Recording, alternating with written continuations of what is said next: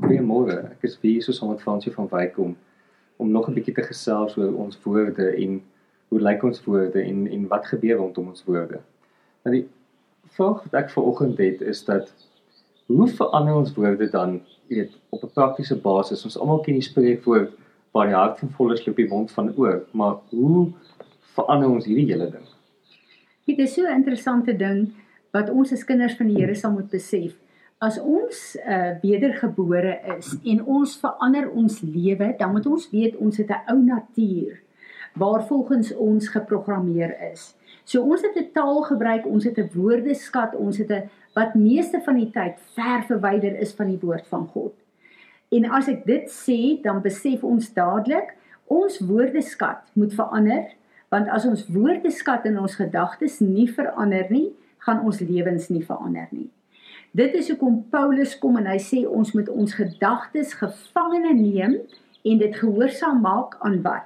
Aan die woord van God. Nou as ek en jy ons gedagtepatrone moet begin verander en ons woorde begin verander, dan beteken dit daar is nou 'n nuwe struktuur en model wat ons woorde gaan bepaal en dit is die woord van God. En kinders van die Here wat nie die woord van God as deel van hulle praktiese daaglikse uh uh, uh leefwyse maak nie. Uh sien 'n mens baie duidelik want hulle lewens verander nie, hulle taalgebruik verander nie, hulle woorde verander nie en dis so hartseer want wat uit ons mond uitkom bepaal ons optrede. En my en jou se optrede is 'n getuienis vir die wêreld daar buite. So die wêreld lees nie die Bybel nie maar hulle lees my en jou die kinders van God se lewens. So ons lewens moet verander, maar om ons lewens te verander en ons woorde te verander, moet ons die woord van God ken. So jy kan nie uh, lyk like soos die woord van God as jy die woord van God nie ken nie. As ons kyk na die woord Jesus wat kom in uh, Johannes en vir ons uh, sê hoe word ek en jy geken as kinders van God Johannes uh, 14 vers 15 uh, as ons wedergebore is dan sê ons vir die Here Here ons is lief vir u.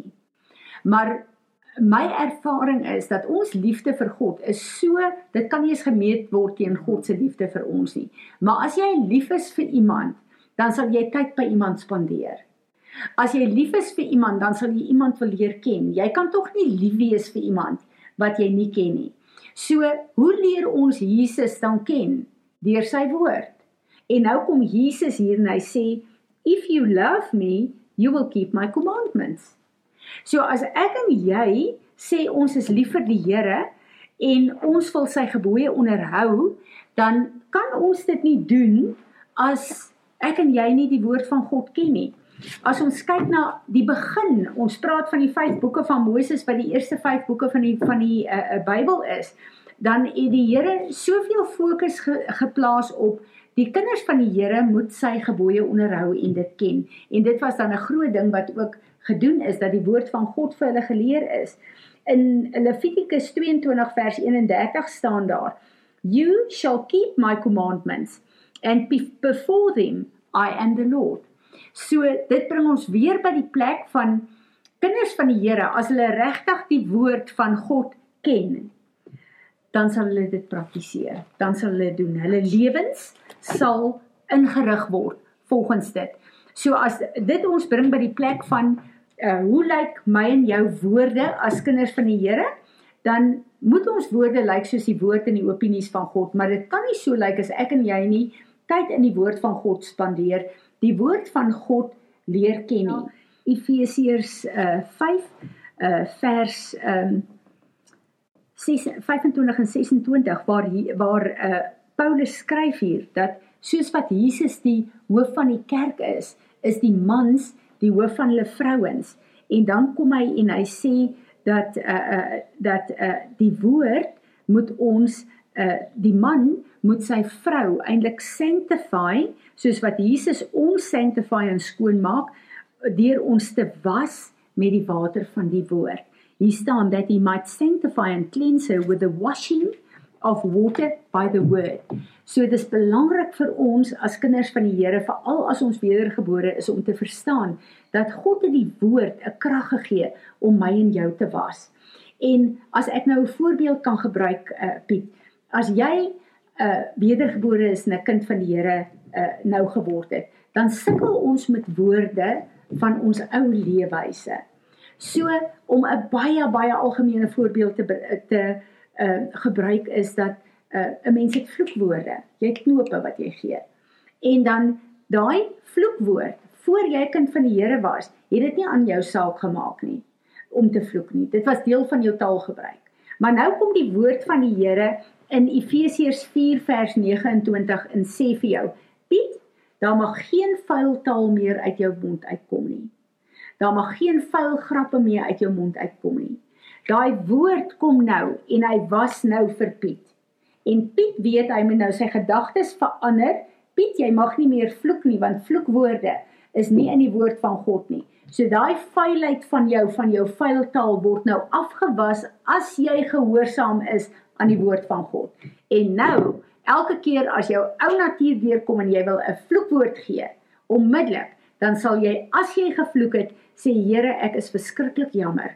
Ek het teen u woord opgetree. Ek het vuil woorde uit my mond uit laat kom. Vergewe my asseblief en ek gryp u vas, Heilige Gees, om my te help om my taal gebruik volgens die woord van God. Woorde wat sal opbou, woorde wat sal ophef en nie woorde wat sal afbreek en sal uh vuil maak nie. Maar hoe maak ons verklaringe volgens God se woord en volgens sy wil? Dis my so belangrik dat ons hierdie woord van God gaan lees.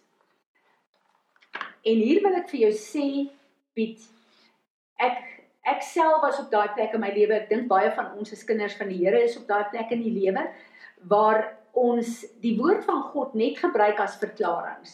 En dan dink ons, nou kan ons die woord van God oor ons verklaar en dit gaan in vervulling word. Ehm um, so ons werk vanuit ons verstand, ons sielste mensie. Nou as jy nou sit en jy is in 'n slegte situasie, kan jy die woord van God vat en jy kan dit verklaar oor jou. As daai woord nie in jou hart is nie, as jy nie die woord ken en die krag daarvan en dit dan in geloof verklaar nie, het daai woord nie 'n effek nie. Maar verklaringe van die woord van God en die beloftes van God vir vir jou lewe het 'n baie belangrike plek en 'n baie kragtige plek. Want die krag van ons woorde as dit uit ons hart uitkom, is baie belangrik. En Ehm uh, as ons kyk na uh, ek weet ons het uh, ek onthou jare terug toe toe ek net 'n kind van die Here geword het, ons sulke lysies geword, jy gekry, jy verklaar die woord van God. Ek dink jy weet presies waarvan ek praat. Dan het ons daai woord gesit en ons het soos 'n ritueel 'n lysie alles afgerammel elke oggend, net soos wat ons die wapenrusting elke oggend aangetrek het en dit was deel van ons ritueel.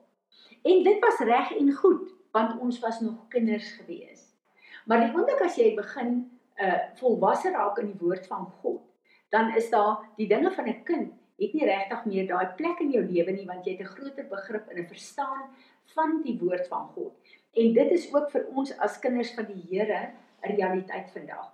Nou kom ons kyk na verklaringe van die woord van God. Wat sê die woord? En ek wil vir ons Romeine 10 vers 9 uh uh, uh lees wat vir my 'n baie belangrike uh, woord is. Eintlik wil ek vers 8 saam met dit lees. Maar wat sê dit? Naby jou is die woord in jou mond en in jou hart. Dit is die woord van geloof wat ons verkondig. Dit wil sê dit wat ons spreek. As jy met jou mond die Here Jesus Christus bely en in jou hart glo dat God hom uit die dood opgewek het, sal jy gered word. Nou dis 'n baie belangrike beginsel hierdie. Hier kom uh, Paulus en hy sê as jy met jou mond spreek. Nou om net te spreek gaan nie vreeslik 'n verskil maak nie. Ek en jy moet glo wat ons sê. En ons gaan wanneer ons oor geloof praat, gaan ons 'n bietjie daarna kyk. Maar as ons kyk na uh wat jy spreek, dan sê hierdie woord wat in jou hart is, moet jy jy moet dit, dit glo in jou hart en dan kan jy met jou mond dit bely. Nou wat so belangrik is hier is dat ons harte uh die Here sê vir ons baie uitdruklik in sy woord dat soos wat 'n man in sy hart is, so is sy lewe.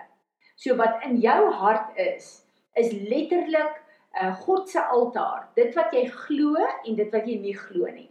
Nou as jy kom en jy het 'n altaar in jou hart waar jy God dien, waar jy 'n uh, 'n daagliks na hom toe gaan, waar jy 'n uh, 'n uh, 'n verhouding met hom het. As jy vanuit daai plek kom en jy spreek dan woorde, is jou woorde bekragtig deur die woord van God. As jy wedergebore is, dan kan jy nie kom en jy kan sê ek neem Jesus aan met jou sielsdimensie. As jy dit nie in jou hart glo nie, dan kan jy dit met jou mond verklaar, maar dit gaan nie werk nie. So wat die woord hier vir ons sê is wanneer ons goed verklaar wat ons oortuig is deur die woord van God. Hierdie is God se woord, ek glo dit. Nou kom ek en ek verklaar dit oor my en daarom vertrou ek die Here dat hierdie woord gestalte gaan kry in my lewe. En baie keer is ons in situasies waar ons sukkel met klein gelowigheid en met ongeloof. En dis waar die woord van God inkom wanneer die Here vir ons 'n woord gee en vir alles sê ons antwoord in situasies en ek en jy kom met daai woord en ons spreek dit uit en ons sê Here ek glo hierdie woord hoewel dit nog nie 'n realiteit in my lewe of in my gesin is nie spreek ek dit nou in geloof uit en ek glo dat U hierdie woord sal volbring in my eie lewe, maar ook in my gesin se lewe. Hoe kan ons dan waarlik seën en nie vervloek nie? As ons kyk na Jeremia 19 wat ek net nou na verwys het, dan wil ek graag dit vir ons lees ook en ek lees vir ons uit die amplified uit. Therefore thus says the Lord to Jeremiah, if you return and give up this mistaken tone of distrust and despair, I will give you again a settled place of quiet and safety, and you will be my minister. And if you separate the precious from the vile, cleansing your own heart from unworthy and unwarranted suspicions concerning God's faithfulness, then you shall be my mouthpiece. So hier sê die Here vir ons uitdruklik dat hy wil graag hê ons mond moet sy mond wees. Dis hoekom Jesaja toe hy dit verstaan het, het hy gesê Here, maar kom en raak my mond aan met 'n koolvuur. My mond het nodig om skoon gemaak te word. En as ons dan kyk na ons woorde, dan gaan ons na wat ons uh, op 'n vorige keer gesê het dat ons woorde kom uit ons harte uit en wat in ons harte is gaan na ons verstand toe. En dis hoekom dit so belangrik is dat ons ons gedagtes gevangene neem sodat wat uit ons hart uh, ons mond uitkom, die hart van ons God is. Dis my so belangrik as 'n mens kyk na ehm uh, Efesiërs 4 waar Paulus hierdie brief vir die Efesiërs skryf en hy waarsku hulle sekere goed wat hulle nie meer mag doen nie.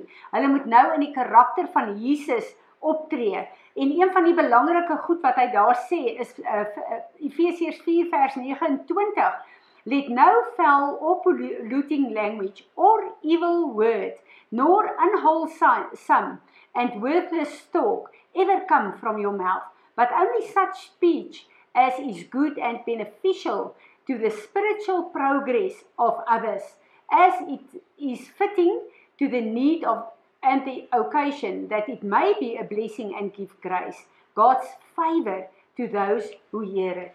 En hier sê Paulus vir die ehm um, kerk in Efesiërs, nie net om te let op hulle eie woorde vir hulle self nie, maar dat hulle woorde 'n effek op ander mense en daarom kan hulle woorde, hy gebruik die woord polluting, hulle woorde kan ander mense vuil maak.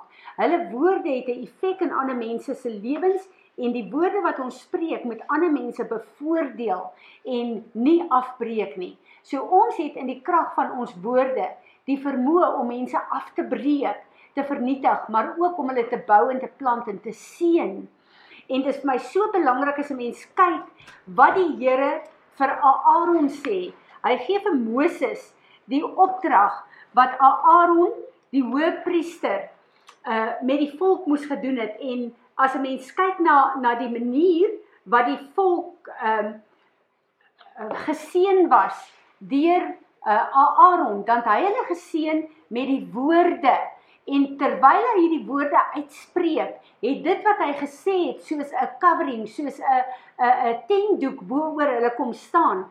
En uh die dit wat hy uitspreek met sy woorde het 'n fisiese manifestasie oor hulle gehad. En ek wil dit graag lees in Numeri 6 waar die Here sê and the Lord said to Moses say to Aaron and his sons this is the way that you shall bless the uh, Israelites. So die Here sê hierdie is die manier wat jy hulle gaan seën met woorde en soos wat jy die woorde uitspreek gaan my seën oor hulle gebied word en hierdie woorde sê die Here let The Lord bless you and watch God and keep you. The Lord make his face to shine upon and enlighten you. Be gracious, kind, merciful, and giving favor to you. The Lord lift up his approving countenance upon you and give you peace, tranquility of heart, and life continually. With these words, they will put my name upon the Israelites, and I will bless them. Dis so kragtig om te weet dat die Here vir ons woorde gee om ander mense mee te seën. En dan wil ek graag as 'n einde van hierdie sessie wil ek die priesterlike seën in die Hebreëse betekenis uitspreek oor elkeen van ons wat luister. Yahweh will kneel before you presenting gifts and he will guard you with a hedge of protection. Yahweh will illuminate the wholeness of his being towards each and every one of you. He will bring order. He will provide you with love, sustenance, and friendship. Yahweh will lift up the wholeness of his being and look upon you, and he will set in place all you need to be whole and complete. En met hierdie woorde spreek ek die seën van ons God oor elkeen van ons uit. In die naam van Jesus Christus. Amen.